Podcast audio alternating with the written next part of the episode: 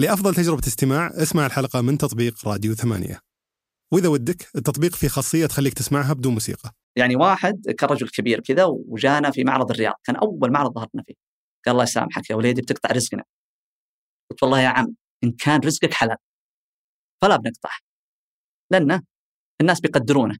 وان كان رزقك حرام والله أني بسوي لك خدمة لما أقطعه. قام يضحك وجلس قال طيب الحين أنا العمالة يغشوني وال قلت يا عم في أساليب تقدر تحمي نفسك من الغش بس لا تنسى المليون اللي بيدفعها لك هذا المواطن تراها يعني على قولتهم تحويشة عمره.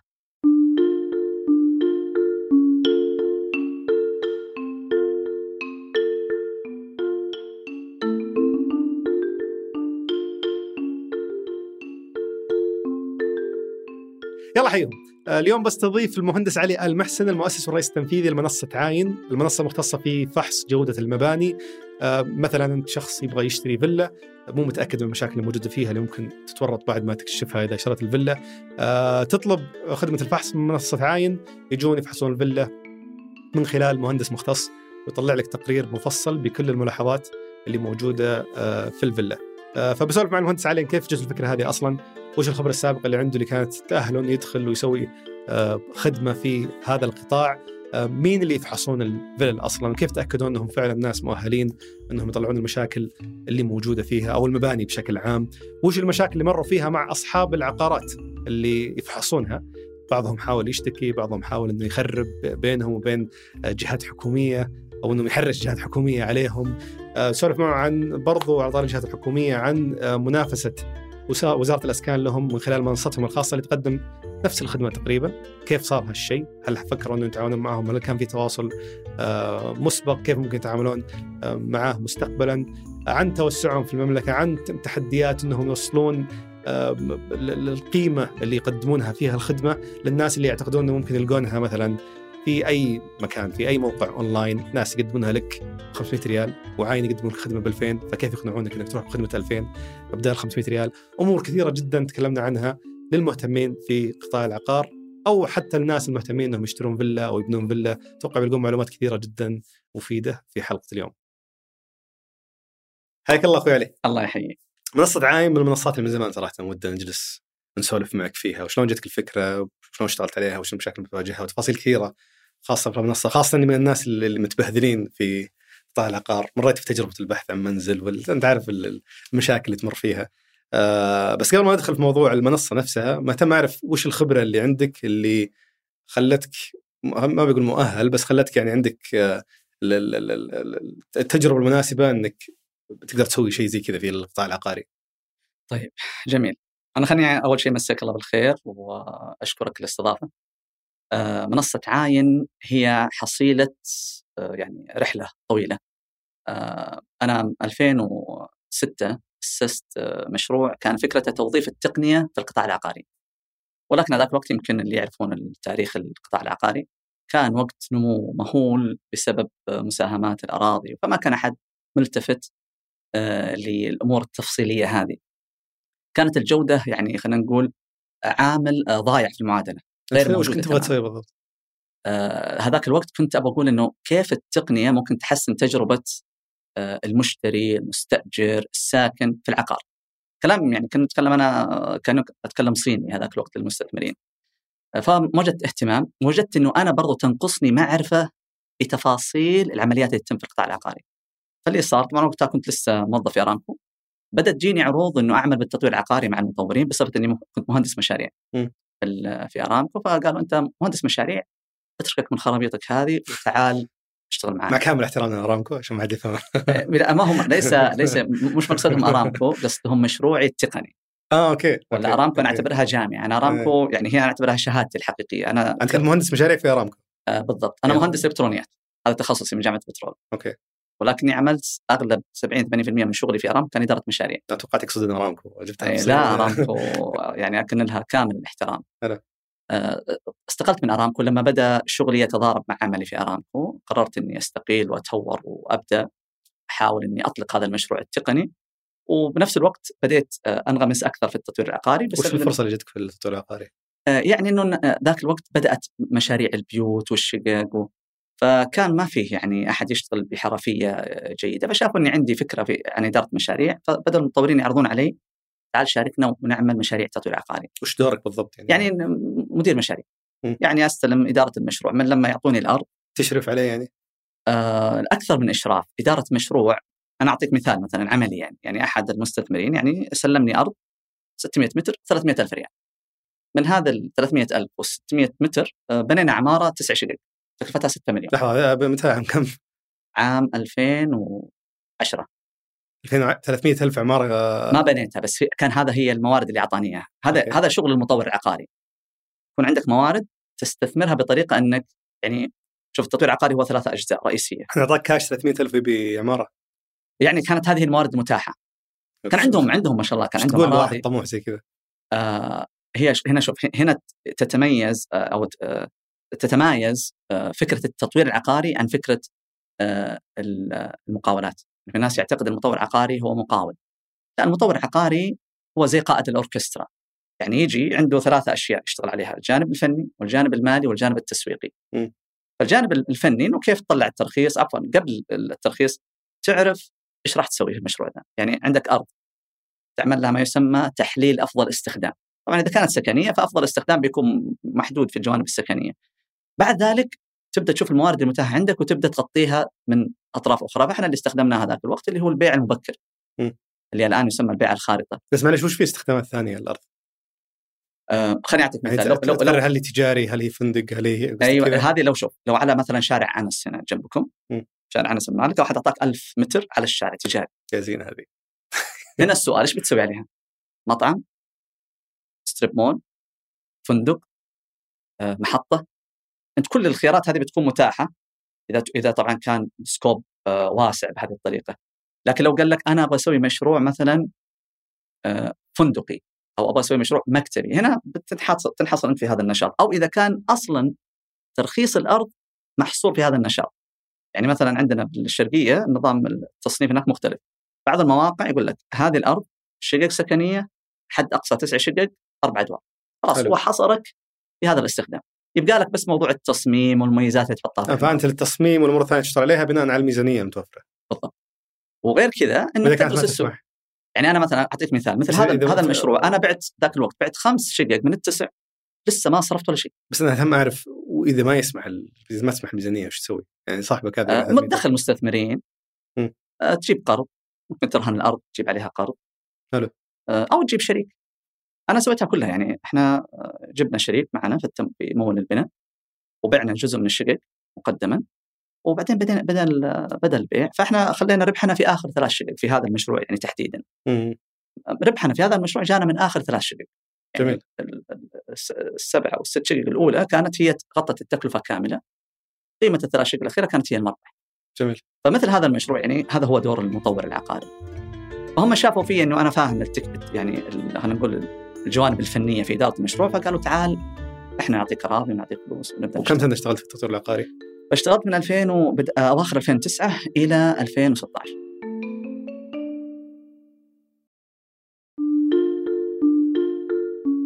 هل هل واجهت شيء خلاك تقول تقول خلاص لازم أبدأ عاين؟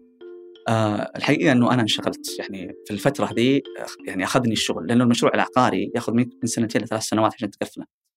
فمن مشروع إلى مشروع بدأت الأمور تكبر. يعني بدأنا أول مشروع زي ما قلت لك كان 600 متر و300 ألف آخر مشروع عديرة كان تقريبا حجمه حدود 40 مليون. ما شاء الله. فكل شوي كان المشاريع تكبر تكبر تكبر المحفظة تكبر عدد الشركاء يكبر. يعني كان عندي هذاك الوقت وصل معي أكثر من 52 مستثمر يشتغلون معي. ما شاء الله. لما جات 2016 آه، وجات خطة التحول الوطني وتعرف ذاك الوقت طلعت أنظمة جديدة نظام الأراضي البيضاء أنظمة كثير جدا فصارت الضبابية عالية جدا في القطاع التطوير العقاري. فأصبحت الرؤى يعني كل يقول الشمال من هنا الواحد يأشر على اتجاه فكان القرار هذاك الوقت يعني سبحان الله أحيانا بعض الأزمات تصير يعني فرصة أكثر من انها أزمة، فكانت فرصة لي إني أتوقف وأصفي كل العمل هذا وأرجع لمشروعي الأصلي ضعف الأقبال عليه قصدك؟ آه هي كانت في منتصف يعني كان عندي بذاك الوقت مشروعين كبار كنا في وقت الانطلاق. فتضاربت آراء المستثمرين اللي يعملون معي إنه المشروع هذا ينجح ما ينجح فوجدت إنه ليس من الحكمة أني أواصل إذا كان مجموعة المستثمرين غير متفقين على رؤية واحدة معي. فاخترنا أن نصفي كل شيء. فكان القرار نصفي المشاريع وأخذت أنا كذا مهلة 40 يوم يعني أخذتها زي الاعتكاف. ماذا أفعل لاحقا؟ فوضعت كل ما لدي على الطاولة يعني. إيش الشيء اللي أنا أبغى أقضي عليه يعني العشر سنوات القادمة؟ فرجعت للمفهوم القديم إنه كيف أوظف التقنية لحل مشاكل هذا القطاع؟ استعرضت مشاكل كثير. أكثر مشكلة وقتها رأيت إنها مؤلمة يعني هي ليست فقط فرصة هي مأساة. وكنت خلال فترة تطويري العقاري أصدقائي أقاربي آه، أبو سيف تعال لو سمحت شريت فيلا تعرف إيش حصلت فيها؟ فكنت أرى المآسي. في بداية 2009 2010 لما بدأت أشتغل بالتطوير العقاري منظومة ضبط الجودة مرتبطة بثلاث أشياء. إدارة المشروع التصميم والمشرف الهندسي. يعني مفهوم الجودة مبني على إدارة صراع يعني انك تصنع صراع فني داخل المشروع عشان تظهر المشاكل. وجدت إن أغلب اللي يعملون ما يقدرون هذا الشيء. يرى إن يكفي إن المقاول مهندس مثلا أو يكفي إنه هو يجيب من طرفه مشرف على المبنى ويعتبر هذا الشيء كافي. فكنت أشوف اللغط اللي يصير. هو يعني ليس جميعها غش الناس يعتقدون أن فلل الكراتين انها سببها الغش. هو الغش ليس من المطور ليس من المالك. لأنه هذا هو اللي بالواجهة مستحيل يغش. مستحيل يعني يعني تتعمد الغش. بس في في منطقه برضه في النص بالضبط. بين يعني هو هو ما حمى نفسه من الغش. م. المورد يغشه المقاولين يغشونه العماله يغشونه. آه فهو قصدك اللي يعمر البيت. اللي يعمر البيت نعم. إيه. لكن الغش يجي له من الموردين اللي أه، بس النقطه كنت بوضحها إنه مو بالضرورة تكون يا فيل كراتين يا شيء ممتاز في بالنص في تفاوت شيء. كبير يعني نعم في نعم. شيء ممتاز بس ما في مشكلة في المواصير في شيء ممتاز بس في الكهرباء في شيء ممتاز يعني في بس بالضبط. في بالضبط. تلقى فيها مشاكل مختلفة مو شرط تكون 100% صحيح هو المعادلة يعني يعني خليني بقول لك أنا يمكن إذا بعطي نسبة كذا يعني تقديرية إنه أقل من 2% اللي من الفلل اللي نفحصها فيها مشكلة عويصة مرة لا يمكن حلها. لكن المصيبة إنه 2% ذي هو السؤال كيف ما تقع فيها؟ م. يعني أنا أعطيك الحين 100 كوب قهوة هنا قلت ترى واحد منهم مسموم إيه بس ما تقدر تشرب ما تقدر تغامر ما تقدر تاخذ هذه المغامرة بس كم نسبة الفلل اللي ما فيها مشاكل من اللي تفحصون أنت؟ ولا شيء ولا فله ما في فله ولا فله تخلو من المشاكل هل طيب. عشان تخافي لا لا ابدا أنا أنا شوف أنا لولا لولا ان يعني إنه ممكن يكون فيها يعني يعني بعض الناس خلال العقول يعني ممكن يأخذونها إساءة لمطور معين م. أفضل المطورين بالعكس يعترف.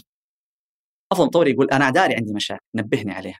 لأنه عارف لا يمكن هذه جات نقطة في بالي بس آه، ما تخاف إنه يعني مو مصلحتك ان الناس دائما يكونوا متخوفين من مشاكل عشان يمشي البزنس؟ آه شوف أنا مصلحتي زي شركات تأمين يعني دائما دائما لازم يكون إيه لابد يصير المخاطر. اي لازم في خوف إنه ترى مو ما في ولا فيلا كويسة. م. فلازم تفحص معاين.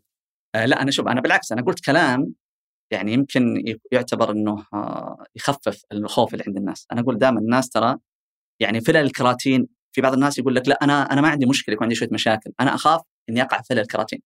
اي بس آه، زي ما ذكرت لك يعني عندك 2% هذول فيها مشاكل اللي مشاكل اللي لا يمكن تحملها يعني. بالضبط. بس في برضو الباقيين مشاكل يمكن حلها بس بتفاوت. يعني. في الشيء اللي تحله ب 10 شيء تحله ب 100000 في شيء تحله ب 300000 بالضبط. فيعني مو لا اي بالضبط. يعني أنا بقول لك إيه. ما ان هنا يتفاوت تكلفة عشان كذا سألتك كم اللي ما فيها اللي ما فيها شيء ما مو ما فيها شيء خلينا نقول ما فيها مشاكل آه تعدى علاجها 10000 ريال مثلا.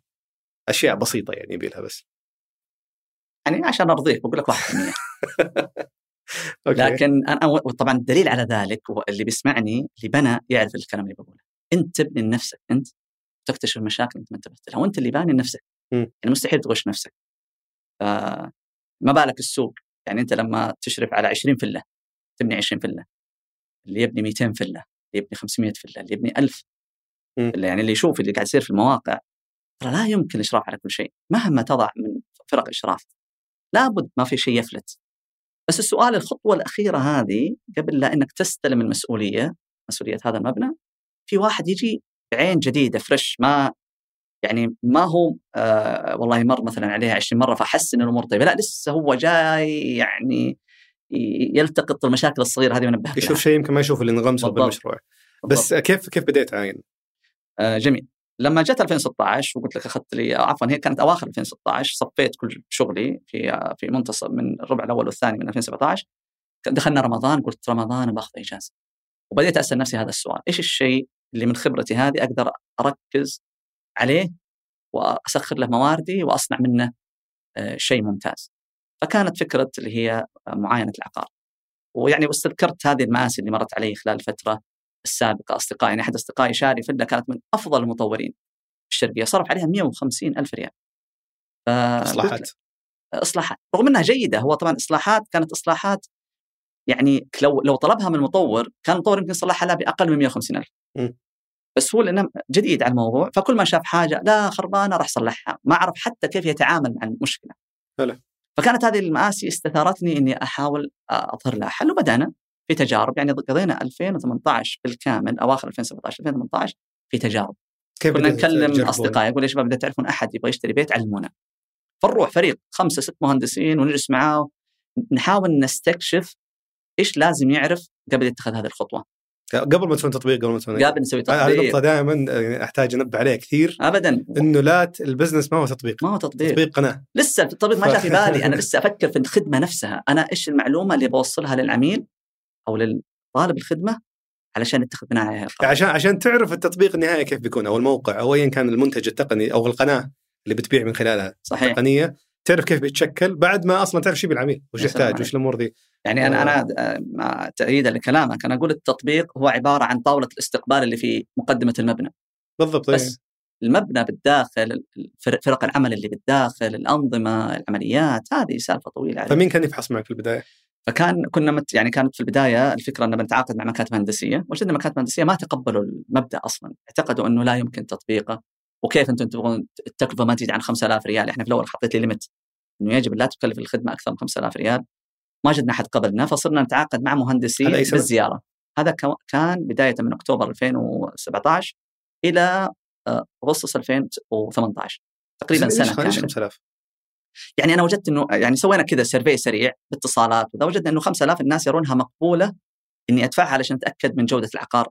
قبل أشتري. اي بس أنا لو أدخل الحين على مواقع مثل حراج على سبيل المثال أدخل أقول فحص عقار سواء في 2017 ولا اليوم يجيك واحد يدفع يدفع مثلا يدفعك 500 ريال 700 ريال مثلا ويدخل لك الفيلا نخل. فليش 5000 أه والله شوف أه ما أنا ما شفت أحد يسوي هذا الشيء طيب اسمح لي خليني أوريك بس أنا عندي هنا كنت فاتح إعلان. بس عشان أتأكد لأن أشوف الأسعار مختلفه أنا تجربتي سابقا. آه كانت مع الموضوع الآن واحد يقول لك هنا في موقع حراج مثلا آه ب 700 ريال يسوي لك آه يفحص يكشف على هيكل معماري تحت اشراف مهندسين مختصين آه، مواسير الصرف الصحي وانت بكرامة وشرب مياه، جودة تحمل طبقة العازل الحراري، جودة تركيبات الكهرباء، جو... ما في شيء ما يفحصه ما شاء الله، كل شيء في الدنيا ينفحص. فوش كيف اعرف الفرق جميل. بين الشيء اللي يسويه والشيء اللي ما أدري عشان نقارن آه لازم نشوف الزيارة إيش يسوي فيها. بس هذا خدمه متوفره من زمان يعني. طيب. على أي أساس قررت 5000 يعني كانت آه، عبارة إحنا ما ما كنا نبغى نقيد نفسنا باللي يصير بالسوق لأن ما وجدنا بالسوق شيء يصير صح.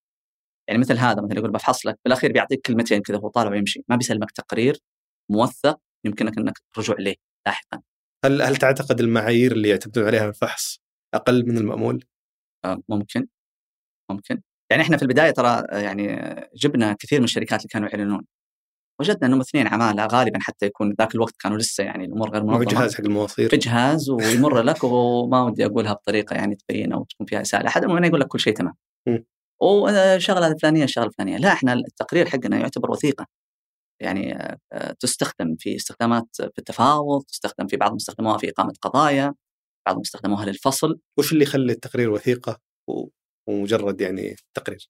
آه، أول شيء آه، من اللي صدر التقرير هذا؟ فإحنا بالنسبة لنا جميع من يعملون لدينا مهندسين عندهم شهادة هندسية عنده رخصة هندسية تخول باصدار تقارير هندسية وعندك جهة تحميك. يعني إحنا عاين نعتبر نفسنا الفاصل. يعني نعطيك فرصة إذا التقرير وجدنا إنه إحنا نراجع طبعا التقرير قبل نسلمها.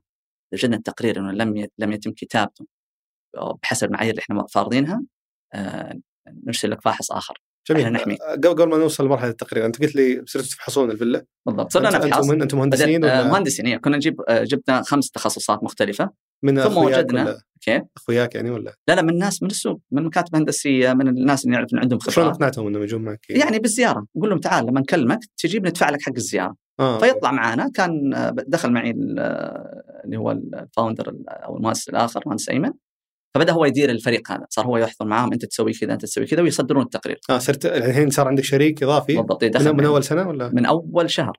آه من, من أول, أول ما طلعت الفكرة في بالي أنا عرفت أنا ماني يعني أنا لست يعني جدا خبير في الجوانب الإنشائية والجوانب الفنية م.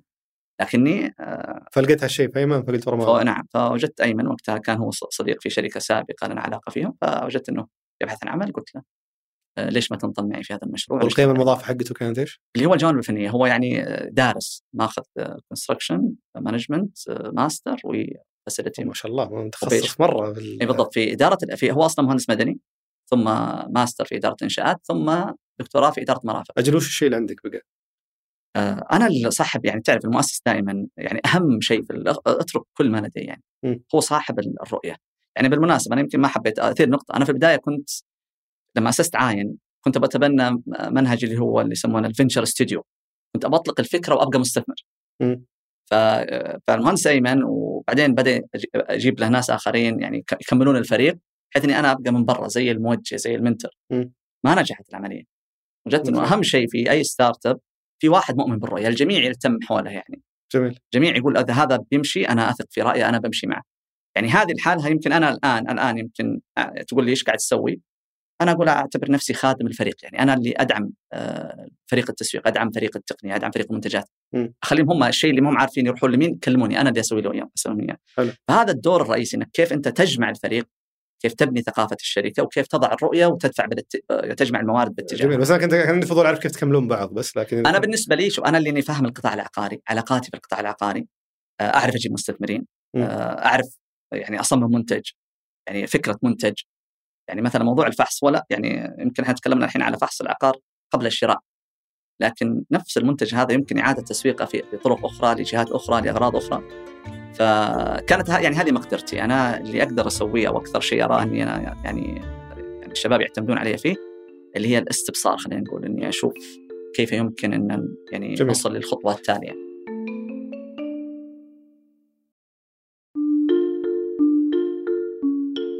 الحين الأيمن صار ماسك مهندسين. وقتها على فكرة كان في استثمار ولا؟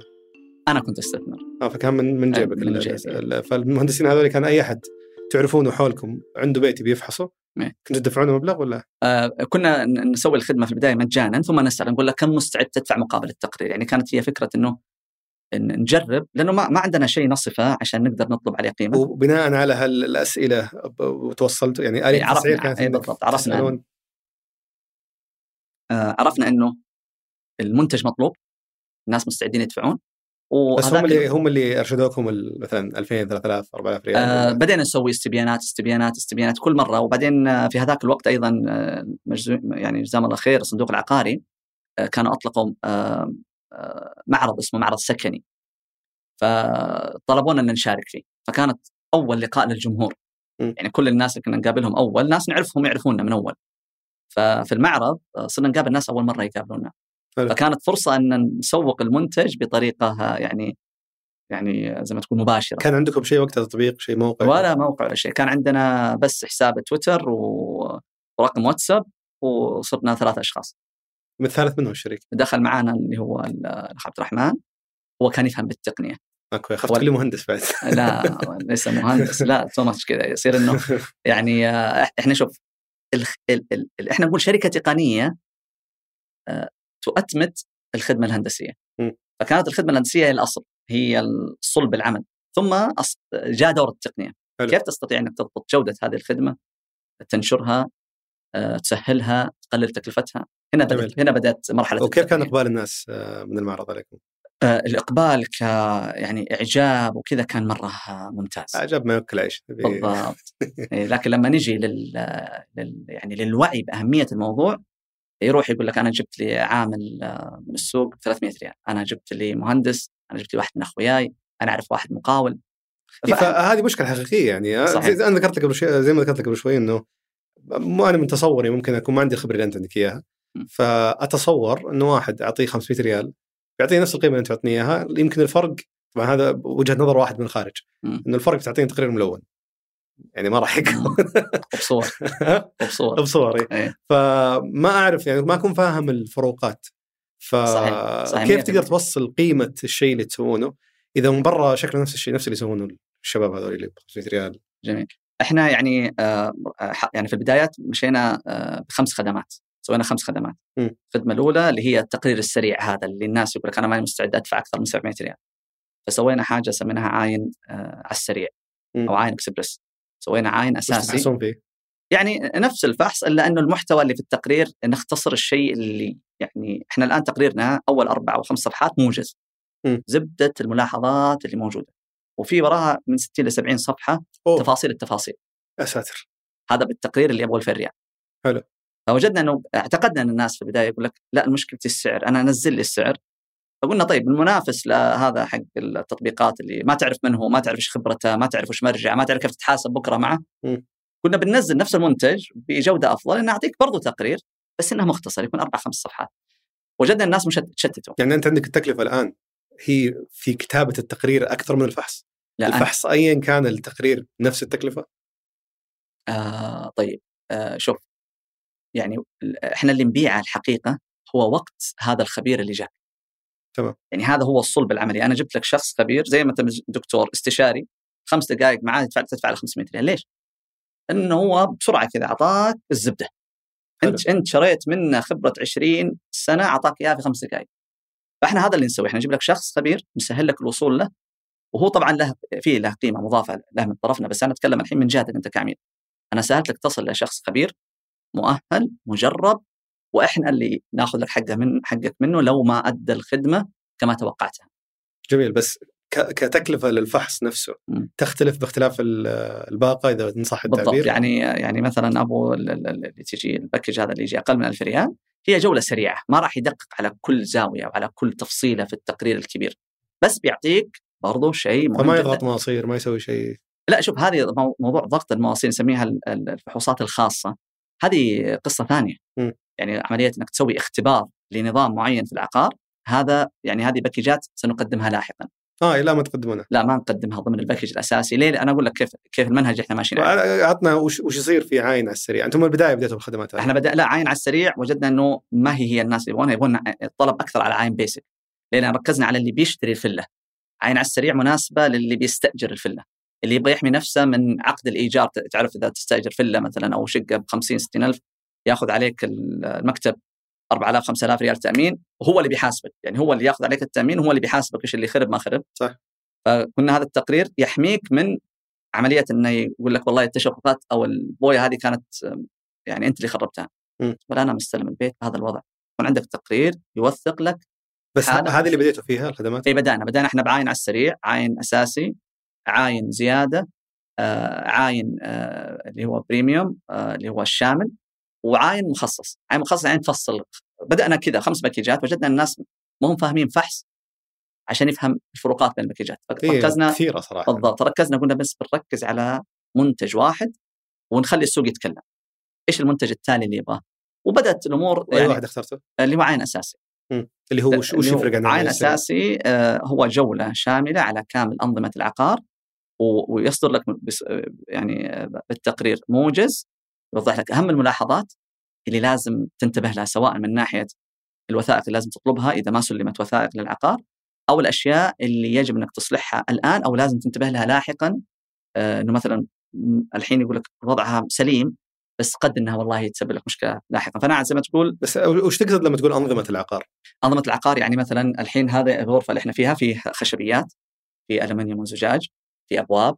في أسقف في تكييف في إضاءة في أرضيات هذه هي الأنظمة حلو. معمارية ميكانيكية كهربائية تكييف فكل نظام في له معيار لازم تمشي عليه يعني وبعدين كل غرفة إحنا إحنا انتهجنا منهج الفراغات يعني لما يدخل الواحد الغرفة مثلا المجلس المجلس فيه كل الأنظمة هذه تقريبا ما عدا ما في ما بتحصل فيه سباكة مثلا. عزك الله دورة المياه المطبخ يختلف المخزن يختلف السطح يختلف الحوش يختلف. حلو. فكل يعني اللي سويناه إحنا للفاحص يدخل على طول النظام يسأله شيك على الأشياء الفلانية. إذا قال أنا في المجلس على طول هو النظام يقول له ترى في شيء فلاني لازم تنتبه له. فانتم طورتوا نظام الفاحص أيوه طبعا انتقلنا شوية لمرحلة التطبيق. يعني بعد ما سوينا الخدمة وصرنا نقدمها مانوال كنا نستقبل الطلب أول شيء عن طريق الواتساب. ثم سوينا موقع سريع كذا وصرنا نستقبل الطلب عن طريق الموقع ثم بدأنا آه، نطور العملية شوي شوي إلى طلعنا تطبيق للفاحص. وجدنا وش اللي خلاك تحتاج تقول بنتقل من موقع لتطبيق؟ أيوه آه، إحنا شوف التطبيق- للفاحص ولا للعميل؟ لا إحنا ركزنا على تطبيق الفاحص أول لأن وجدنا العميل العميل إيش يبغى منك؟ العميل ما عنده تطبيق الحين العميل ما عنده تطبيق العميل يدخل على الرابط الحين عندنا تطبيق web based بس يفتح يطلب يقفل أجل الفاحص كان يطلع بملف Word في الجوال ولا شو؟ آه لا كان يطلع بورق okay. إيش إلى؟ إلى الآن شوف المهندسين طبيعتهم كذا. إحنا يحبون إحنا إيه بالضبط. حصله ماسك لك الدوسيه هذه وعليها الأوراق يحط النماذج عندها نفس النماذج تقرير مكتوب ورقة ورقة يسجل عليها كل شيء. رغم ان التكنيكال يعني لما فنيا يعني ممكن يستخدم الآيباد أو الجوال ويخلص التقرير قبل يطلع من الموقع. لكن وجدنا إنه تجربتهم لا ما يبغى كذا. هو يقول لا أنا ماني أروق في الموقع. أنا في الموقع بصور بأخذ كل شيء بحطه في طبعا هو يمشي على التطبيق بس عشان يتأكد إنه ما في شيء يفوته بس. ليش يفرق يعني قلم ولا ولا بتطبيق ولا بجواله؟ آه، عشان تسهيل أنا أقول لك آه، في البدايات اكتشفنا إنه جهد اللي يبذل في الموقع عشان تسجل ملاحظات 20% مم. 80% في كتاب هو عملية إصدار التقرير إيه.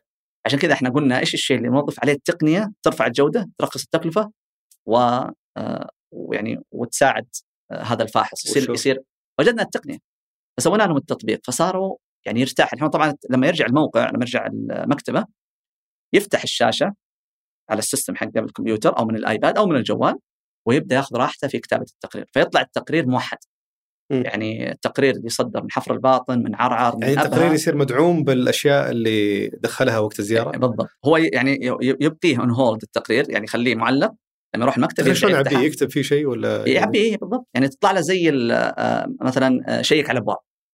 آه، سوي كذا سوي الاختبار الفلاني سوي بس الاختبار المدخلات آه، مقيدة مثلا الأبواب لها تقييم ال- الإنارة لها تقييم الإضاءة لها هي تقييم. ثلاثة أشياء في كل مدخل تقييم يقيم لك كم المستوى اللي يراه هو بعد ما يسوي جميع الاختبارات يعني مثلا الباب يفتحه يشوف هل ثباته صحيح هل وزنيته صحيحة. يشوف هل موادة صحيحة يعني أعزك الله دورة المياه تفرق عن المجلس تفرق عن الباب الخارجي يسكره حتى عملية تسكيره هل موزون. بعد الاختبارات هذه يعطيه تقييم.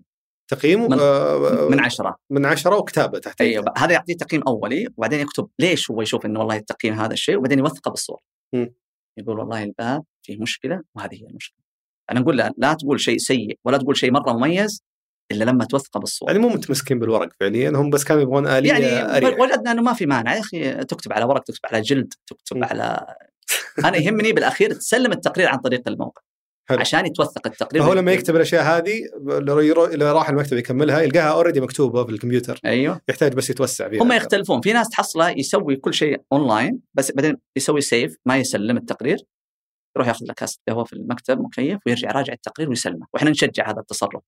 نقول له لا تستعجل إحنا السرعة ليست هدف. إلا لما يصير حالات emergency يعني مثلا صارت لنا قصة إنه واحد طلبنا الساعة 12 الظهر يقول تكفون الساعة 5 عندي إفراغ. راح إيه. المهندس في الموقع يعطيه ملاحظات مباشرة. لأنه خلاص يقول ما أقدر أغير أنا جاي من سفر ورحلتي بطلع الساعة 7 وما سمعت عنكم إلا اليوم الصباح. أوكي. فيعني إحنا نعتبرها نقول حالة فزعة. فيسوي التقرير فسوى التقرير يعني. بسرعة ووراه وجلس هو مع الممثل المالك شرح له التفاصيل قالوا طبعا كانت شركة شركة محترمة يعني قالوا هذه كلها نقدر نصلحها. والسعر يتحدد بناء على إيش؟ سعر تكلفة التقرير. الفحص بناء على المساحة. يعني هو يبدأ هذا من البداية كذا بديته ولا؟ أيوه بالضبط. إحنا طورنا كل شوي كنا نطور كنا نقول هل هل بعدد الأنظمة؟ هل بالبعد الموقع عن وجدنا أنه لا الفاحصين آه، يعني بدأت تصير عندهم ثقافة آه، فهمونا ليش إحنا كنا نقول لازم نوحد السعر. إحنا كنا نبغى نلغي عملية قل لي وبعدين أرسل لك تسعيرة وبعدين توافق على التسعيرة وبعدين تعال وقع عقد وبعدين ادفع لي دفعة أولى. لا لا ما في حط مواصفات العقار مساحة الموقع. إذا مثلا عظم يفرق عن آه، طبعا عظم في التسعيرة ما تفرق لكن لازم تقول أنا عظم. ليه؟ لأنه إذا عظم فيه تركيز كبير يكون على الانشائي بس فنختار لك واحد يكون إنشائي. لكن لما تجي لي مكتب عفوا مبنى آه أنت ما ما تفحص الفلل الجاهزه بس. آه الع- العظم قبلناها مؤخرا. كنا نفضل يكون مبنى مكتمل. مم. وجدنا إنه في في في كمية ناس يشترون فلل عظم. فوجدنا إنه لا مانع. بس حددنا عملية التحديد إنه في هذه الطلبات بالتحديد. يجي واحد عفوا يكون مدني أو إنشائي أو معماري. حلو. يكون خبير في موضوع البناء العظم. تمام طب ال- ودي أركز على بعض جزئية المهندسين ذكرت في البداية شريكك جاب مجموعة معه.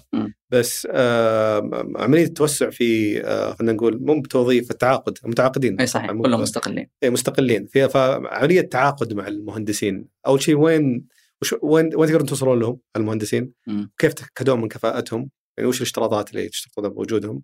وعلى وكيف يكون تعاملكم معهم؟ هل هو بالنسبة؟ هل بالزيارة؟ جميل مقطع مبلغ مقطوع مع نسبة يعني وشلون حلو. نبدأ أول شيء بموضوع إحنا في البدايات وين تدورونهم؟ يا سلام عليك ال- ال- الفريق الأول يعني اعتبرناهم زي مجموعة اختبار focus group. فكنا نسألهم هذه الأسئلة إيش الأسهل؟ إيش اللي بيخليك ترتاح؟ وجدنا الناس أعطونا مساحة كبيرة جدا للتحرك. قالوا أنتم إحنا هذه حدودنا. هذا اللي نتوقع هذا اللي نأمله وهذا الحد الأدنى بالنسبة لنا. م. فوجدنا إنهم ممكن بالزيارة، ممكن بالساعة، ممكن كلها كانت خيارات كان عندهم خي... إي كانوا يعني أشياء أساليب العمل في في هذا القطاع كثيرة، في ناس تتعامل لك بالزيارة، في ناس تتعامل لك بال... بال... بالورقة، يقول لك أنا بجي أسلمك ورقة وبمشي. ناس يقول لك أنا بجيك ساعتين بجيك ثلاث ساعات. بعض الناس لا بالشغلة تأخذ منها ثلاث أيام أربع أيام يخلصها لك. وفي ناس يعتبرها عقد. خلاص أنا أتعاقد معك مثلا ب 2000 3000 ريال. وأجي لك كل ما تطلبني وبحد أقصى كذا. يعني هذه أساليب العمل في القطاع الهندسي. إحنا قلنا لا هي زيارة واحدة الأصل إنها زيارة واحدة. وإذا تطلب الأمر إنك تجي مرة ثانية نقول هذا شيء تعرف الناس قال لك شخص مهني. يعني ما يرتبط بهذه التفاصيل مقا... يعني لما يكون الأمر مؤثر على جودة العمل. حلو. يعني مثل الموظف الجيد حصله يقول لك الساعة 9 في الليل 10 في الليل يقول لا لازم أسلم شغلتي صح؟ وش نموذج العمل اللي فإحنا اللي مشينا عليه اللي هو آه، بالشغلة هذه شغلة الفحص. قدرنا أنها تقريبا تتراوح من أربع ست ساعات. قدرنا لها سعر اتفقنا عليه مع الفاحصين الأولين. بدينا نسوق على بقية الفاحصين وجدنا إنه وجدت قبول. م. إنه نبدأ بسعر يعني إحنا حاليا في هذه اللحظة يبدأ السعر من 1690 ريال. الزيارة. للتقرير الواحد اللي هو آه. عاين أساسي. فحص زائد تقرير. أيوه هو هم فعلا هم يعتبرون إنهم منفصلين بس إحنا مسويها باكج وبيجيك زيارة الحين يعني ويطلع لك تقرير عليها. آه أربع ست ساعات انت ذكرت لي اللي هو الفحص والتقرير؟ آه لا زيارة بس. بس زيارة. أربع ست ساعات. يمكن تأخذ لها ما عندنا صراحة تقديرات لأنه كل واحد له أسلوبه. لكن أنا أتصور كذا في تصوري إنها يمكن تأخذ من ساعتين إلى ثلاث ساعات إضافية. حلو فهذه يعني نقدر نقول الواحد في اليوم يقدر يطلع خلينا نقول يومية تقدر تقول إنها هي عمل يوم كامل. يوميته 1600 ريال يعني خليني أحسبها السريع عشان نغري الناس شوية و 1600 ريال. هو هو ياخذ منها 60% لا ياخذ من ال 1600 من اي ما ياخذ من قيمة التقرير 60% هذه تروح للفاحص بس أنت تبدأ من 1600 1690 ريال هو ياخذ 60% منها؟ من قيمة التقرير. نعم ياخذها الفاحص اللي قام بالشغلة. اي بس عشان أستوضح أنت ذكرت لي إنه يبدأ من 1600 اي بالضبط 1600 تبغى ال average اللي هي أصلا تمثل قيمة السياره والتقرير. لا بس تمثل كم قلت 60%؟ أيوه. تمثل 60% من إجمالي التكلفة على العميل صح؟ آه. ولا هي أصلا القيمة اللي بيدفعها العميل لا أيوه هذه القيمة اللي يدفعها العميل. آه فهو ياخذ ال 60% من 1600 من 1690 نعم. يعني بيطلع لي تقريبا 960 يعني بالشهر 28000 يقدر يطلع له إنه بالضبط. طبعا إحنا آه هذه هذه حسبة مرة جميلة. عشان كذا إحنا إحنا عندنا ما عجبتك الحسبة شكلها. لا لا بالعكس بالعكس. إحنا عندنا. عندنا يعني شوف ال... ال... سبحان الله يعني السوق دائما يفاجئك. إحنا عندنا مهندسين موظفين في مراتب عليا بعضهم يمكن رواتبه تتجاوز 30000 م. آخر هم الفلوس يعني هو صح إنه بالنهايه يبغى فلوس بس ما يسأل. م. يعني الآن إحنا تونا مؤخرا صرنا نقول له ترى تكلفة الفاتورة اللي تدفعها العميل ترى كذا عشان يعرف ويقر يعرف إنه يعرف كم له عندنا. حلو. أول ما يسأل تجي له الطلب راح سوى الشغلة و... طيب المبلغ هذا أنا متأكد بيغري ناس كثير فخلينا نتكلم عن المؤهلات. أيوه المؤهلات من المؤهل يفحص وياخذ المبلغ. آه طبعا المهندسين تعرف مرجعهم هيئة المهندسين ففي قوائم موجودة يعني تقدر تصل بسهولة لكل المهندسين لازم يكون مرخص من هيئة فلازم عندنا ثلاثة أشياء أو أربع مستويات خلينا نقول، المستوى الأول التأهيل الأكاديمي، لازم يكون عنده شهادة هندسية في في أي مجال مرتبط في البناء. حلو. معماري، إنشائي، مدني، حتى الإلكتروميكانيكال آه نقبلة وإن كنا الحين نركز على الجوانب الثلاثة المرتبطة بالإنشاءات لأن هي أهم عنصر في هذا المبنى. الجانب التأهيل الأكاديمي. ثم الخبرة. لازم يكون عندك خبرة. لا تقل عن ثلاث سنوات مباشرة في مجال البناء. يعني يكون أشرف على مشروع أو بنى مشروع أو اشتغل في شركة مقاولات. وهذا أنتم تدققون عليها ولا هيئه المهندسين لا إحنا ندقق أوكي. إحنا اللي نبغاه من هيئه المهندسين فقط آه اللي هو يعني طبعا الرخصة واضحة يجي الواحد يعطينا رخصه الهندسية موجود عليها رقمها الهندسي وتخصصه ودرجته المهنية وتاريخ انتهاء الرخصة. الرخصه بالإضافة إلى إنه يكون متخرج من مجال له علاقة في البناء. تأهيل أكاديمي ثم والرخصة هذه هذا أول دوكيومنت لازم خبرة تأهيل أكاديمي ورخصة. بالضبط. بعدين تجي الخبرة. ثم يجي الاختبار. نسوي له نسوي له اختبار إحنا. إيش الاختبار؟ هو عبارة عن جلسة يعني أنت الحين لما تجلس مع واحد أنت مثلا مسؤول في المنتجات لما تجلس مع واحد يقول لك أنا خبير منتجات. فتقدر تعرف من جلسة معاه نص ساعة هذا الرجل خبير ولا مو خبير. فاحنا اللي يصير إنه يبدون الشباب يكلمونا ويسالونا أسئلة. راجعون مع وش هذا؟ وش هذا التشقق؟ طيب لو شفت هذه وش معناتها يتأكدون الرجل هذا فعلا فاهم فعلا الخبرة اللي عنده دي حقيقية ولا لا. ثم يرسلون له يطلبونه يسوي ثلاث فحوصات ويصدر ثلاث تقارير. أو تخلي تضبط له مكان المقابلة في مشاكل. ممكن. إحنا شوف. تخلي الباب حق الغرفة فيه مشكلة كذا بسيطة. إيه. شوف هو ينتبه وتقول له وين المشكلة في لا ما تقول له وين المشكلة. إذا جلست. إذا جلس وما جاب طارق المشكلة هو مرفوض خلاص. هي هي هو اللي يصير تقريبا شيء من هذا القبيل إنك يعني تتأكد من خبرته. مهنيا يعني إحنا ما يعني نفترض إنه الناس يعني صادقين. خبرته الدوكيومنت اللي سلمها يعني تبين لك هذا الآدمي خبير. لكن عندنا إحنا شغلتين تهمنا. فعلا خبرته الفنية صح قدرته على التواصل. إنه إحنا. هذا الفاحص هو اللي بيلتقي بال- بالعميل في الموقع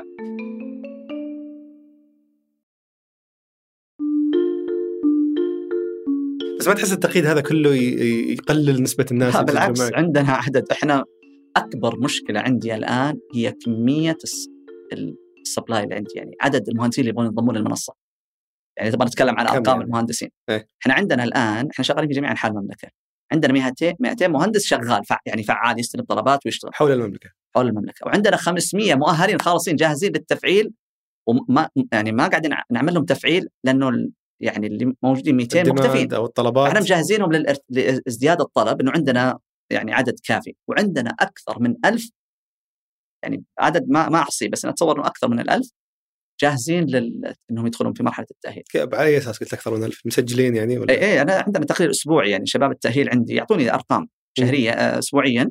ترى عندنا العدد المؤهلين كذا في كل مدينة كم. واللي جاهزين لأنه إحنا آه، زي ما قلت لك إحنا بدأنا مرحلة التسويق. كان السؤال كم قدرتنا الاستيعابية؟ عشان نسوي التسويق على قدر القدرة الاستيعابية. بس أنت عندك الآن يعني ذكرتها طبعا ما ما نبغى ندخل بتفاصيل ارقام لكن خلينا نقول عندك آه، مئات الطلبات شهريا. آه، أنا كشخص يمكن ما أعرف وش اللي قاعد يصير بالتفصيل عندكم أشوفهم قد يكون عدد قليل. فوش سبب انخفاض الطلب على هالخدمة؟ والمشكلة عندك يمكن مع عكس اللي مثلا ممكن يواجهون تطبيقات التوصيل أو ال- اللي صحيح. يقول لك السبلاي أو مثلا نقول السائقين عندي مشكلة صحيح. والطلب ز- أكثر منهم. أنت لا أنت العكس. أنت عندك اللي. بينفذون الخدمة. عددهم كبير جدا نسبيا واللي يحتاجون الخدمة قليلين مرة. صحيح. هو شوف الأرقام مش تقول آه، آه، مؤسسه النقد أو البنك المركزي يقول لك إن تقريبا فيه ما بين 50 ل 70 ألف آه، آه، تمويل عقاري شهري هذه بس صفقات شراء العقار اللي مرتبطة بالتمويل من غير. اللي مرتبطة بالكاش أو اللي مرتبطة بمثلا عقود آجلة أو أي أشكال من أشكال ال- الصفقات الرقم كبير اللي موجود يعني وزارة الإسكان مثلا السنة الماضية آه، تقريبا 300 ألف وحدة نزلتها في السوق م. فالأرقام كبيرة يعني خلينا نقول إيش محفزات الطلب على الفحص؟ هي الحركة العقارية هذه. حلو. واحد بيقيم واحد بيشتري واحد بيمول واحد بس أنا. حسب علمي التمويل البنوك في بس واحد يث... الناس يطلعون يثمنون بالضبط. ال- التقييم. التقييم المالي. التقييم المالي. آه، هذا هذا جزء من الفجوات اللي موجودة. أنت قصدك إنك ودك تكون داخل في ال- الإجراء هذا حق التمويل إنه تقييم مالي هو وبر- الأصل. يعني في جميع أو في أغلب الأسواق ال- ال- يعني ال- الكبرى زي بريطانيا أستراليا أمريكا ما في عقد تمويل عقاري ينشأ إلا بوثيقتين وثيقة فحص فني وثيقة فحص آه، تقييم مالي. مفترض إنها تفصل. وش مصلحة البنك إنه يتعاون معك؟ آه، عشان ما يتعثر بالسداد يعني صاحب البيت صار في مشكلة آه، البنوك يعني للأسف يعني أحد أحد المسؤولين في أحد البنوك قالها لي كذا بصراحة. قال إحنا ما دام غير ملزمين فيكم إحنا نبغى نبيع. يعني أنا. يكفيني التقييم علشان والله أصبح إجباري أول ما كان يقيمون البنوك. كان يقيم داخلي يرسل واحد موظف من عنده ويحط العملية وبالنهايه يقول أنا ضامن حقي.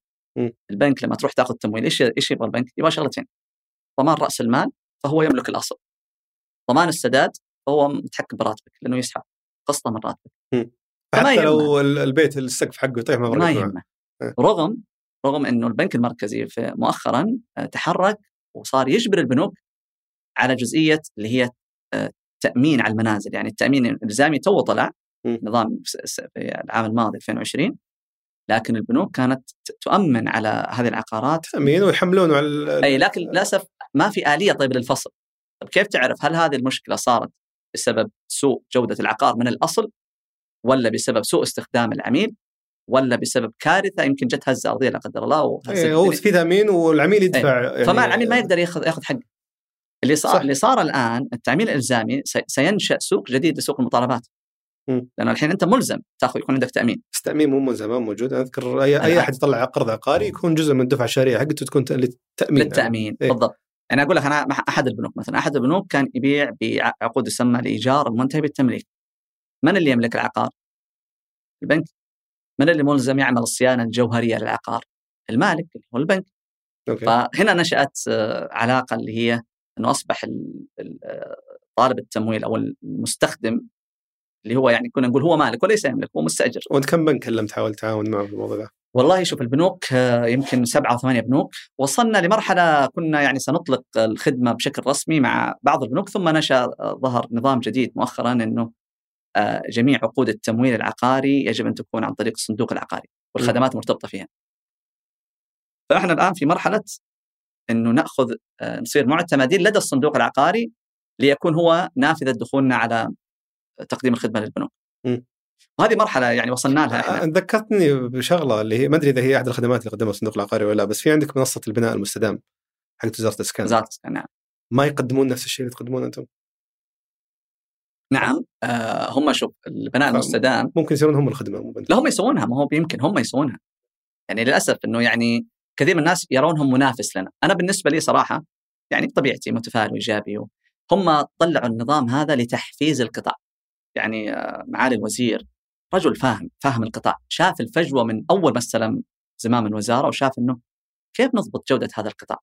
يعني بلال الكراتين يعني هي الشاهد. هو هذا الغضب الشعبي على عملية خلينا نقول ال- ال- الكم المهول من العقارات اللي قال عليها الوزير في أحد تص- تصريحاته قال 80% من المساكن لا يمكن معرفة جودتها. كلموكم إيه؟ كلموكم وزاره الاسكان إحنا كان بين يعني عدة اتصالات واجتماعات لكن للأسف ما نعرف إيش يعني كيف طريقة نظرتهم للأمور. ما زلنا متفائلين ما زلنا نعتقد إنه المفترض إنهم ينظرون لنا كشريك وليس كمنافس. بس أنا أعتقد إنه في نوع من ال يعني عدم وضوح الرؤية بالنسبة للي قائمين على الملف هذا عندهم أو عندهم رؤية غير واضحة بالنسبة لنا. هم يقدمون نفس اللي تقدمونه بالضبط.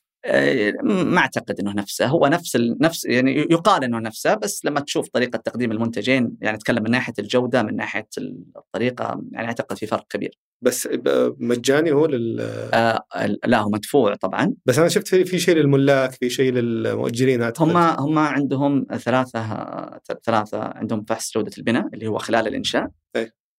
وعندهم اللي هو فحص المبنى الجاهز هذا هو اللي يعني أقرب شيء للي نسويه إحنا لكن طبعا أتكلم من ناحية الوصف بس كمقابل هي في مقابل اي؟ أكيد في مقابل. مم. نعم نعم نعم،. كسعر من هم شوف لا هم طبعا هم يعني برضو تبنوا منهج اللي هو إنه السعر لازم يكون منخفض جدا رمزي. هذا للأسف يأثر على جودة العمل آه، إحنا لا ركزنا إنه العمل العميل لا يبحث عن منتج رخيص العميل يبحث عن منتج جيد بس هم به- بهالطريقة هم منافس يقدمون خدمات أكثر يعني. نقدر تقدر تقول هم هم يعني ظاهريا منافس بس إحنا نعتبر نفسنا يعني زي ما تقول آه، زي مثلا هل تويوتا تنافس مرسيدس؟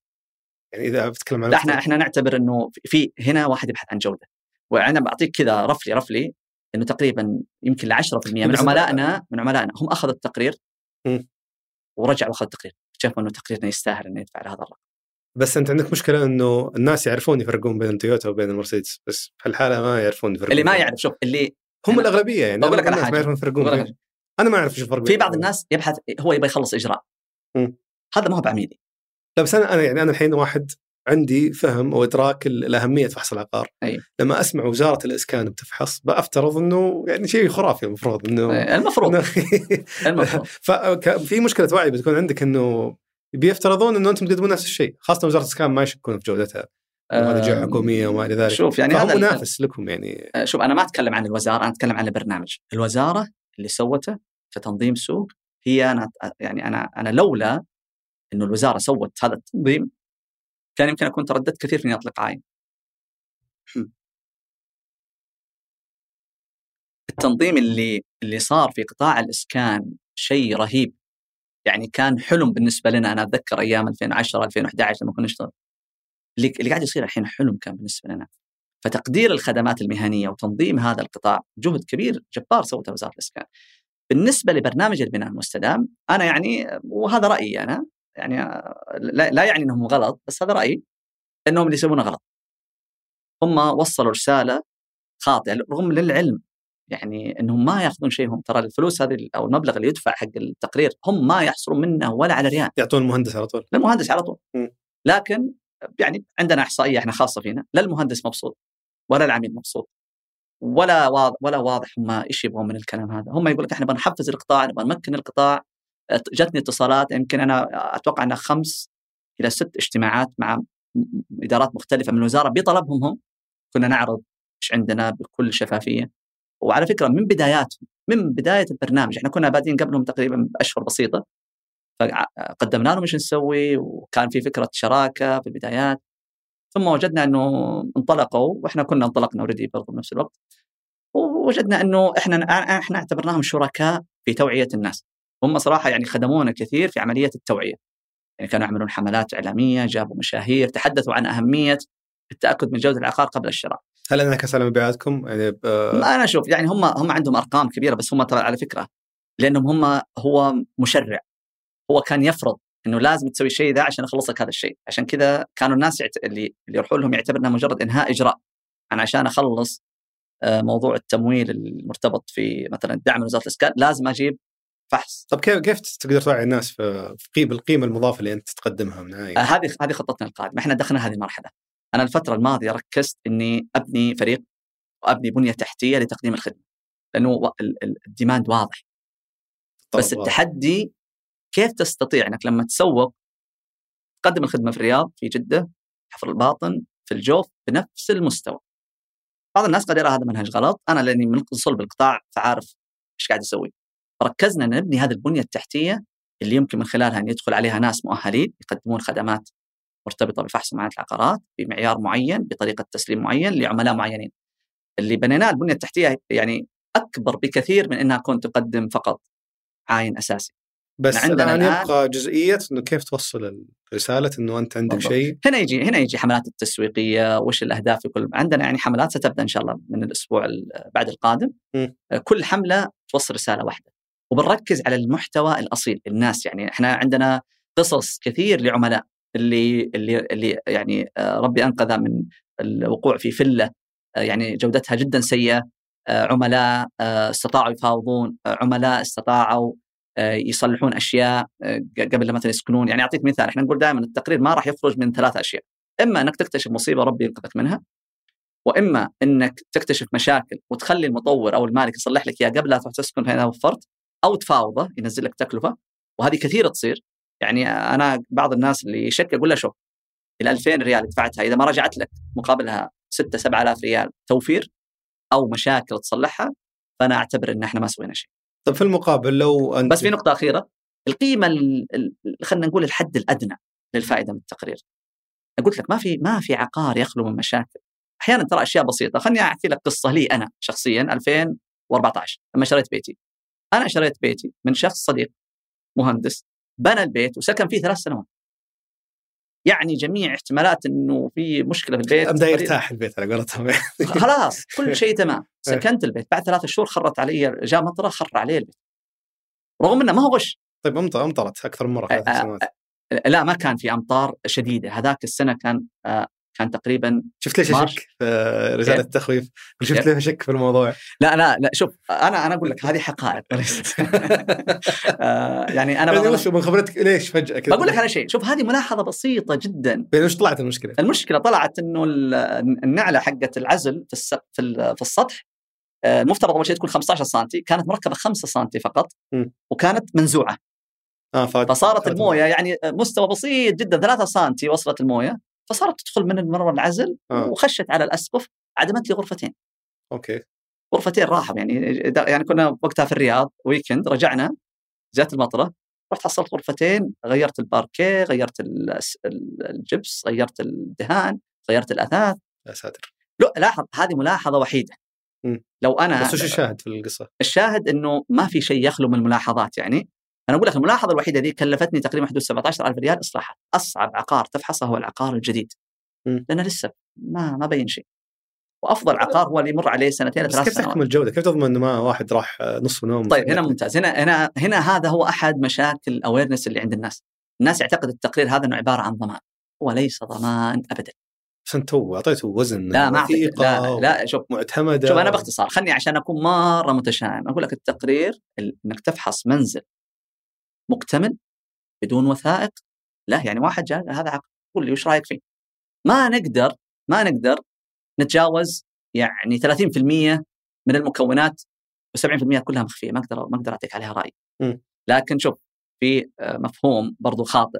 الناس تعتقد إنه إنه اللي يغشك بيروح يسوي الشغل اللي داخلي مضروب ويضبط لك التشطيب.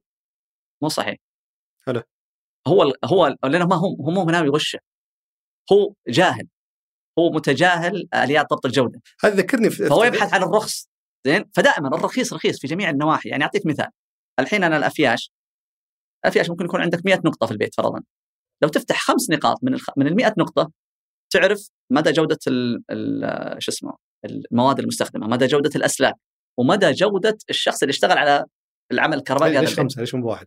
إيش هو؟ ليش خم تفتح خمسه؟ يعني أقول لك 5% يعني يعني هي نسبة جيدة إنك إنك تتأكد من جودة الشغل okay. إذا واحد سلمك مثلا آه، 100 آه، 100 قطعة. آه، كب كيك مثلا. إيه. ما بتروح تذوقها كلها عشان تتأكد شغله جيد. واحدة بتذوقها والله شغله جيد. حكمت أنت على 100 من واحدة لانك تعرف هذا شغله نفس الشخص. حلو. فإحنا دائما كل نظام كل نظام في المنزل غالبا غالبا بنسبة يعني كذا بقول لك 99% هو نفس الشخص اللي اشتغلها كلها. أتكلم كبيوت. بس أنا جبت الموضوع في تغريدة مسجلها عندي هنا. واحد هنا يذكر في تويتر يقول المهندسين يقولون إذا ما تابعنا أثناء التنفيذ تبقى القرارات نسبية ولا يمكن الجزم بسلامة المنتج إلا بفحص كل شيء على حدة وهذا صعب جدا. فهل. صحيح. إيه ف... صحيح. يعني ممكن الموضوع صحيح. أنا أنا بقول لك قصة برضو صارت لي. أحد الك- يعني أحد أصحاب مكتب كبير جدا لما في بداياتنا كان ثاني معرض شاركنا فيه في معرض الصندوق العقاري في الشرقية. فمن بعيد كذا كان الرجل يعني كذا يت- يتابعني.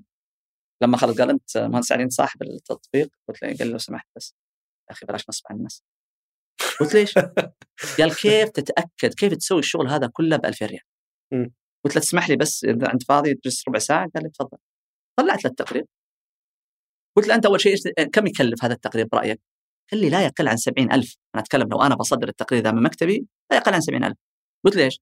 قال بسوي الفحص الفلاني والفحص الفلاني والفحص الفلاني هو أخذ مبدأ أنا بطلع يعني وثيقة ضمان لهذا العقار. قلت له طيب هذا رجل لسه ما اشترى لسه باقي يقول بسم الله ما شرى. أروح أسوي له كل الفحوصات هذه وأدفع 70000 70000 تشكل يعني يمكن عنده خمس بيوت يبغى يختار منهم بالضبط. إيه. فإحنا التقرير هذا هو اللي يقول لك من هذه الفحوصات المتخصصة اللي ذكرها المهندس إيش اللي لازم تسويه لأن عندنا فيه شك. فالموضوع فعلا نسبي وممكن نسبي نعم نعم نسبي. فيه هو هو جدلي. بس إحنا كان مرجعنا في الموضوع المعيار العالمي. إحنا لما بدأنا طلعنا في ثلاث معايير. طلعنا في المعيار البريطاني والأسترالي والأمريكي وبعدين طلع الكود السعودي برضو ساعدنا في آه، يعني أخذ آه، يعني مرجع فني. إيش اللي ممكن تسويه؟ يعني الحين الآن في كود اسمه كود فحص المباني القائمة. م. ان شاء الله يعني قريبا سنحصل على الترخيص في هذا الكود ونصير نمشي على هذا المعيار. بس أنا ما ذكرت لي كيف تتحققون من جودة فحص المهندسين.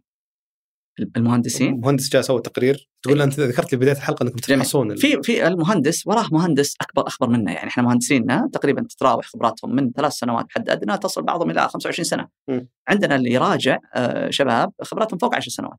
هو يراجع بالتقرير يشوف إذا لاحظ إنه في أي كتابة غير واضحة كلمة كذا ضبابية على طول يتواصل مع المهندس وينصح يقول طبعا إحنا ما نقدر نغير في التقرير لأن المصدر هو المهندس.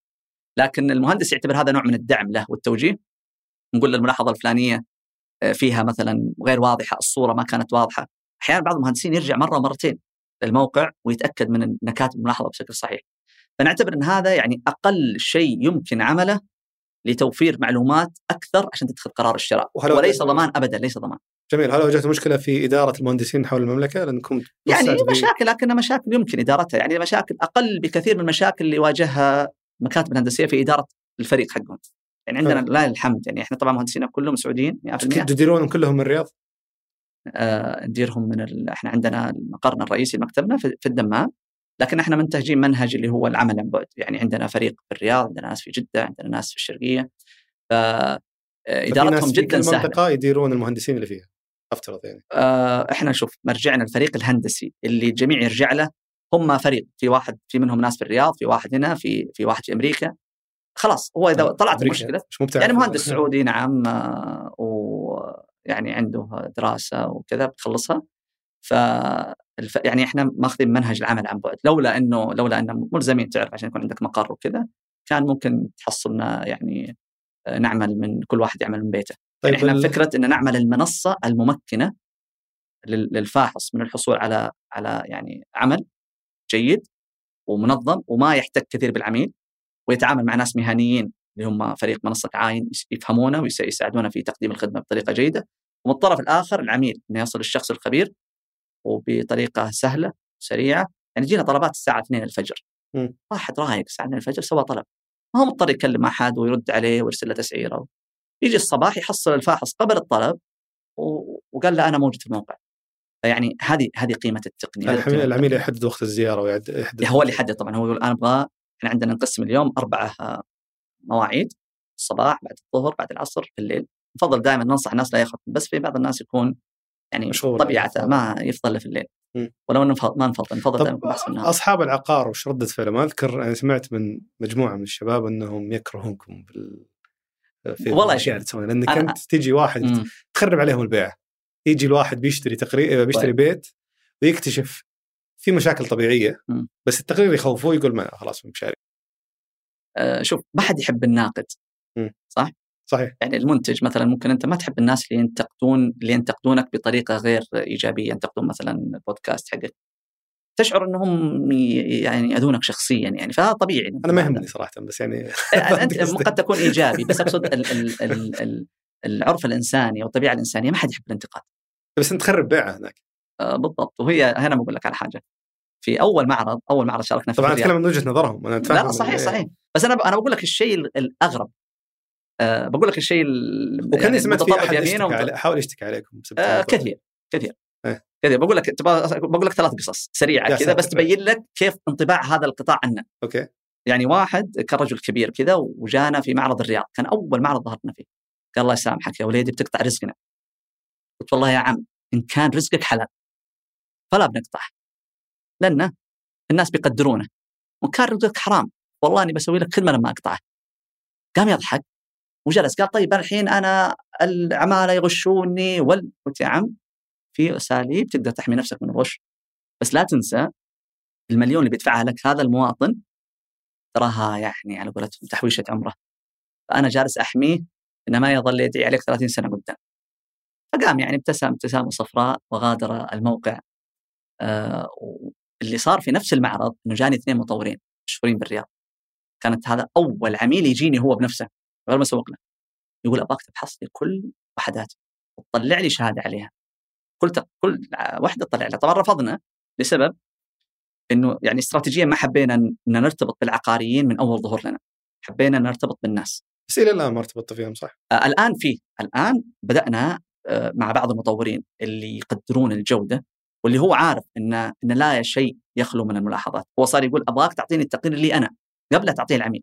عشان أنا أعرف إيش عندي مشاكل وأصلحها بعدين ترجع تسوي عليها زيارة. هل صلحت؟ وقتها أنا أقول للناس ترى في عندي تقارير معاي أنت خفت بدايتك مع العقاريين انه أحسب إنه موضوع إنه موضوع تسويقي وليس موضوع إنه فعلا فنيا قوي. حلو. فالحمد لله لما صار اسمنا جيد صار الناس يسألون المطور. هل أحد يعني بعض الناس صار يحاول يوفر. إيش يقول؟ يقول هل سبق أحد من عملائك فحصوا له عاين ورني تقريره. طبعا إحنا نقول للناس نقول اللي يملك التقرير هو العميل اللي دفع قيمة التقرير هو اللي يملكه. إذا يبغى يعرضه على طرف اخر إحنا ما نمنع ذلك. فبعض الناس يسال المطورين يقول أحد من عملائك فحصوا لها عاين فصار اسمنا الحمد لله يعني يعتبر زي ما تقول مصدر طمأنينة. انت ما عندكم فصار المطور يقول لك تعال افحص لي إيه. كل عق... كل وحداتي. أنا أقول للناس أنا دفعت لك قيمة التقرير. الحين ما أقدر إذا أحد أنت فحصت فيلا آه، يعني العميل. والعميل ما اشتراها ما أقدر أشوف التقرير. لا لأن هو اللي دفع قيمة التقرير هو اللي يملكه. جميل. الشيء اللي أنا كنت بجيب طريقة قبل شوي اللي هو آه، هل هل هل أصلا عندهم مدخل قانوني عليك في موضوع الاعتراض أصحاب العقار؟ آه، إحنا إحنا صارتنا بعد في تغطية سويناها قريبا ففي ناس راحوا اشتكونا لبعض الجهات اللي إحنا يعني كنا نتمنى إنهم ينتبهوا لنا. الشكاوي ذي بالعكس آه لا جهة أخرى. خليني أقول لك هيئة المواصفات هيئة المواصفات المقاييس هيئة مواصفات مقاييس مؤخرا أصبحت هي الجهة آه. المرجعية في اعتماد جهات المطابقة والتفتيش. جاوها من زاوية إنه مو هذا اختصاصكم مو اختصاصكم. أيوه يا جماعة هذول اللي أنتم ما أعطيتهم ترخيص وشوفوا قاعدين يسوون خدمات يعني جو زي ما تقول آه، روحوا وقفوهم. تخريب اللي صار يا جماعة لما شافوا اللي نسويه قالوا أنتم وينكم أنتم تعالوا. هذه التراخيص لازم تاخذونها وإحنا نحتاج أحد مثلكم بالسوق عشان يساعدنا لضبط تقديم خدمة الفحص المطابقة. لأنه قطاع جديد الكود السعودي تأمين الإلزامي إشراف على المباني كل هذه قطاعات أو خدمات فحص ومطابقة. ما في أحد شغال صح بالسوق خدماتكم هيئه المواصفات المقايس؟ نعم خدمتنا جدا جدا جدا. شلون؟ حطونا خارطة الطريق. قالوا هذه الأشياء لازم تأخذون عليها تراخيص وإحنا داعمين لكم. إيه بس يعني تصور أنهم ليش؟ معينين لنا يعني حتى يقدموا لنا إنه عندهم مستشار يساعدك في يعني رفع جودة عملك؟ طبعا يعني عندهم مستشارين يسموهم مستشارين جودة. آه، يقدمون لنا نوع من التوجيه علشان نعرف كيف نرفع مستوى جودة الخدمة. كفحص. كفحص. مم. عشان يعطينا بعدين الشهادة يعني في آيزو معروف لأعمال الفحص المطابقة. هذا آيزو عالمي يعني إحنا إن شاء الله سنحصل عليه هذه السنة. هذا الآيزو يدخلني أي سوق في العالم. مم. ليه؟ لأني أصبحت مرخص عالميا بالآيزو. طبعا مش آيزو 7 9001 اللي هو عقد إداري هذا الجميع ياخذ إحنا أخذناه أخذناه من شركة فحص عالمية أيضا لكنه لا يكفي. في في آيزو درجته عالية جدا وجدا مكلف حتى. مم. عملياتيا وحتى كصرف كرسوم مرة مكلف. مع ذلك سنأخذه وبعد ذلك هيئة مواصفات المقاييس ستعطينا ترخيص من في. جهات حكومية ثانية تقاطعتوا معها؟ كثير. البنك المركزي هيئة لا مواصفات قصدي كان في اما تعاون أو منافسة زي آه والله شوف يا أخي آه، الموضوع صراحة يعني أنت أثرت يعني قلت نكهه جرح. آه أنا توقعنا الحقيقة آه إنهم يدركون إن إحنا شركاء لهم في كثير من الجهات حتى بعضهم كان يطمعنا إنه يبغى يستثمر. نكتشف إنه بس يعرف إيش نسوي. عشان نروح أوكي. نسوي زيه. يعني. جهات حكوميه في أحد الجهات الحكومية يعني تصور يعني قالوا لنا إحنا نبغى نفحص كذا عقار. فإحنا قلنا ترى يا جماعة أول شيء آه لازم تعرفون آه إحنا لسنا جهة واحدة. إحنا عبارة عن 500 مهندس سعودي هو اللي سيستفيد من قيمة العقد. يعني قيمة يجب أن يدركها كل قائد في القطاع الحكومي. يعرف يعني موضوع المحتوى المحلي موضوع اللي هي الكوتا اللي محطوطة على المشتريات الحكوميه إحنا نطبقها بحذافيرها. وش قال في الأخير؟ قال ممكن تقدمون لنا يعني إحنا لنا جهه حكومية وكذا تقدمون لنا خدمة مجانا. خدمة الوطن. أوه ذي دائما قلت قلت شوف قلت شوف. هم كان عندهم جهتين يخدمونهم. في جهة منعدمي الدخل تقريبا. قلنا هذولي إحنا من عاين مستعدين ما ناخذ منهم شيء. إذا هم جمعية إذا هم جهة خيرية. هم هم هم عندهم جهة أو شريحة من الشريحة ناس مرتبطين بالضمان. قلنا هذولي إحنا مستعدين نقدم لهم إياه. إحنا عاين مباشرة نسبتنا سنلغيها. لكن قيمة الفحص يجب أن الفاحص يتبرع فيها طواعية ليه؟ علشان لا تؤثر على جودة عمله. لأنه القرار هو بيقدم لك تقرير بتبني عليه قرار كبير جدا. فكيف أنت يعني المفترض ما تراهن بجودة وفي مهندسين تبرعوا بوقتهم آه في في أحد الجهات الخيرية آه كانت بتشتري عقار في تقريبا حدود 100 وحدة. طبعا عينا استلموا الفاحصين الموضوع ثم اخبرنا قلنا يا جماعة ترى هذه جهة خيرية الجميع تبرع بحصته. طبعا بس هذه حالة ما ما نبغى نبني عليها إنه هذا يصير زي ما تقول قولا واحدا ومستمر. لازم نتركه يتبرع عشان لا يؤثر على جودة عمله، لأنه تعرف بعض الناس يقول لك ما على المحسنين من سبيل. لما تسوي لك شيء مجاني ما تحرص إنك تسويه بنفس جودة صح. الشيء اللي مدفوع، لكن لما أقول لك خذ فلوسك وإذا حبيت تتبرع ترى الامر خيار عندك، تتبرع بطواعي، هو يعني حتى من ناحية الشعور بالتطوع يكون أرقى. إنك أنت استلمت مبلغك رجعته قلت هذا تبرع من عندي. مم. فكانت ولله الحمد يعني أكثر من 100 وحدة. نفذنا المشروع الفحص في خلال أسبوع واحد. والجميع تبرع ولله الحمد. وكان لكم تجربة أيضا آه، في منشآت أنا غلطان؟ آه، منشآت الحقيقة يعني يعني أعجز أقول منشآت يعني داعمين. يعني مهندس صالح رشيد شخصيا لما يجي أحد رؤساء البنوك يجي وقفة عندي ويشرح لي إيش عاين ويعني درجة حتى أحد الملفات كان يبغى له متابعة قال اترك لي الموضوع أنا أتابعه شخصيا. فصراحة داعم. لأنه شايف ال- القيمة حقتنا شايف إحنا قد إيش قاعدين نصنع فرص عمل في قطاع الشركات الصغيرة. خصوصا يعني إذا تسمح لي أدخل على موضوع الجانب المهني في القطاع. إحنا اللي شغالين معاهم الآن موظفين. يعني يعني مين اللي يشتغلون عندك full time على فكرة؟ full timer آه، عندنا فريق بس كم عدد ال full timers اللي عندك؟ آه، وصلنا؟ وصلنا تقريبا 30 وش وش؟ 70% منهم آه، تقنيين 70% تقنيين والباقيين؟ تقنيين. البقية آه، تسويق عمليات وإدارة التأهيل. يعني إدارة هذول المجتمع. إحنا عندنا نسميه مجتمع الفاحصين. نجتمع اجتماع شهري معهم اونلاين نسوي اجتماع شهري مفتوح آه، نسمع منهم إيش إيش ملاحظاتهم على الخدمة إيش اقتراحاتهم آه، نعتبر لأن نتعامل معهم كزي زي الجمعية العمومية. نعتبر إن هذول هم مزودي الخدمة الحقيقيين اللي هم الفاحص. أنا ممكن له. فالتكاليف التشغيلية أغلبها رايحة على جوانب تطويرية من الجانب التقني أكثر شيء. بالضبط أكثر شيء نعم. ليه؟ زي ما قلت لك إحنا إحنا لو بس بحصر من التسويق ما مصاريفي. دعستوا فيه آه، يعني. ما دعسنا. الحقيقة أنا زي ما كان آخر همي التسويق في البدايات كنت أكتفي بالحد اللي يخلينا نستمر في التجارب وتطوير الخدمة.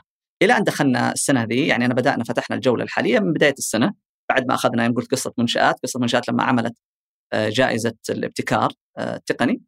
آه، رشحونا كأحد الجهات وأخذنا أحد المراكز الثلاث والله مش فاكر الثاني والثالث. وبعد ذلك قدموا لنا دعم أعطونا يعني مكان موقع مجاني في مركز ذكاء في واجهة الرياض.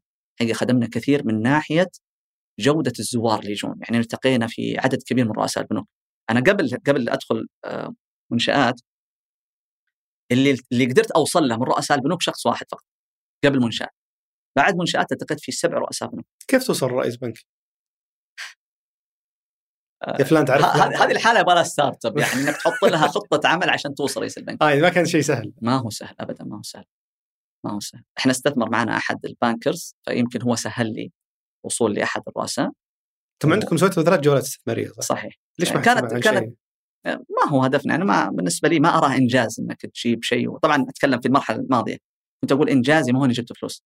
إنجازي إني حققت أثر. مو هو إنجاز بس إنه يعني سوي يساعدك في التسويق ويعتبر يساعدك خبر يساعدك حتى في الجولات القادمة. إنه الناس يعرفون إنك أنت قاعد يعني تقبل استثمار هو الحقيقة بقول لك على شغلة. يعني الثلاث جولات السابقة كانت تجي آه، يعني بشكل عفوي كذا. ما كنا نرتب وهذه جولة و... لدرجة إن بعدين يعني عدنا ورتبنا قلنا هذه صارت ثلاث جولات. كانوا يعني مستثمرين مؤمنين في اللي نسويه والناس من الناس المقربين ما عدا آخر واحد هو اللي يعني يمكن كان من خارج دائرة علاقاتي وزي ما قلت لك هو يعني كان أحد يعني العاملين في القطاع المصرفي. آه، فوصل الخبر عنه فهو اللي يعني عرض علينا الاستثمار ورأى الفاليو حقتنا مباشرة. لدرجة كان يكلمني عن الرؤية حقتنا قبل أن أشرح له وش رؤيتنا. لأنه عرف بالضبط إيش اللي نسوي آه، ثم الجولة الرابعة هذه هي اللي قلنا يعني يمكن الآن إحنا الجولة اللي إحنا فيها تقريبا يمكن ثلثها بيروح تسويق وأقل من أقل من الربع بيكون ما بين العمليات والتشغيل والباقي كله تقنية. الآن وهذا طبعا بإمكانك تجاوب وما تجاوب السؤال بس هل أنتم تحققون أرباح الآن؟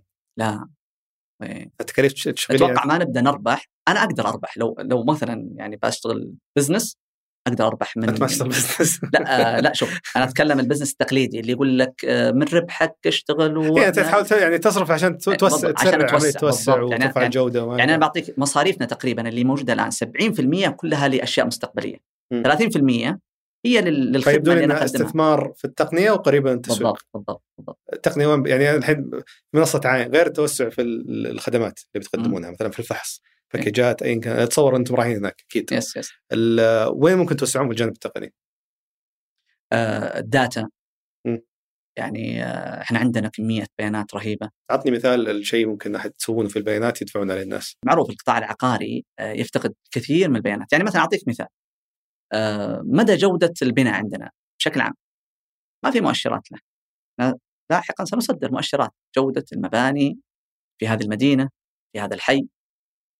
جودة المواد اللي توردها الشركة الفلانية جودة العمل اللي يقدمه المقاول الفلاني جودة المنتجات اللي طلعها المطور الفلاني. هذه كلها يعني إحنا البيانات تجمع عندنا الآن يمكن لاحقا تحليلها وإصدار هذه المؤشرات. ما أحس قيمتكم باينه يعني كشخص ما عنده بنفس الفهم ال... لا أنا ما أنت يمكن ما أنت مطلع كثير على المجال اللي إحنا نشتغل فيه. بس هذا أغلب العملاء كذا.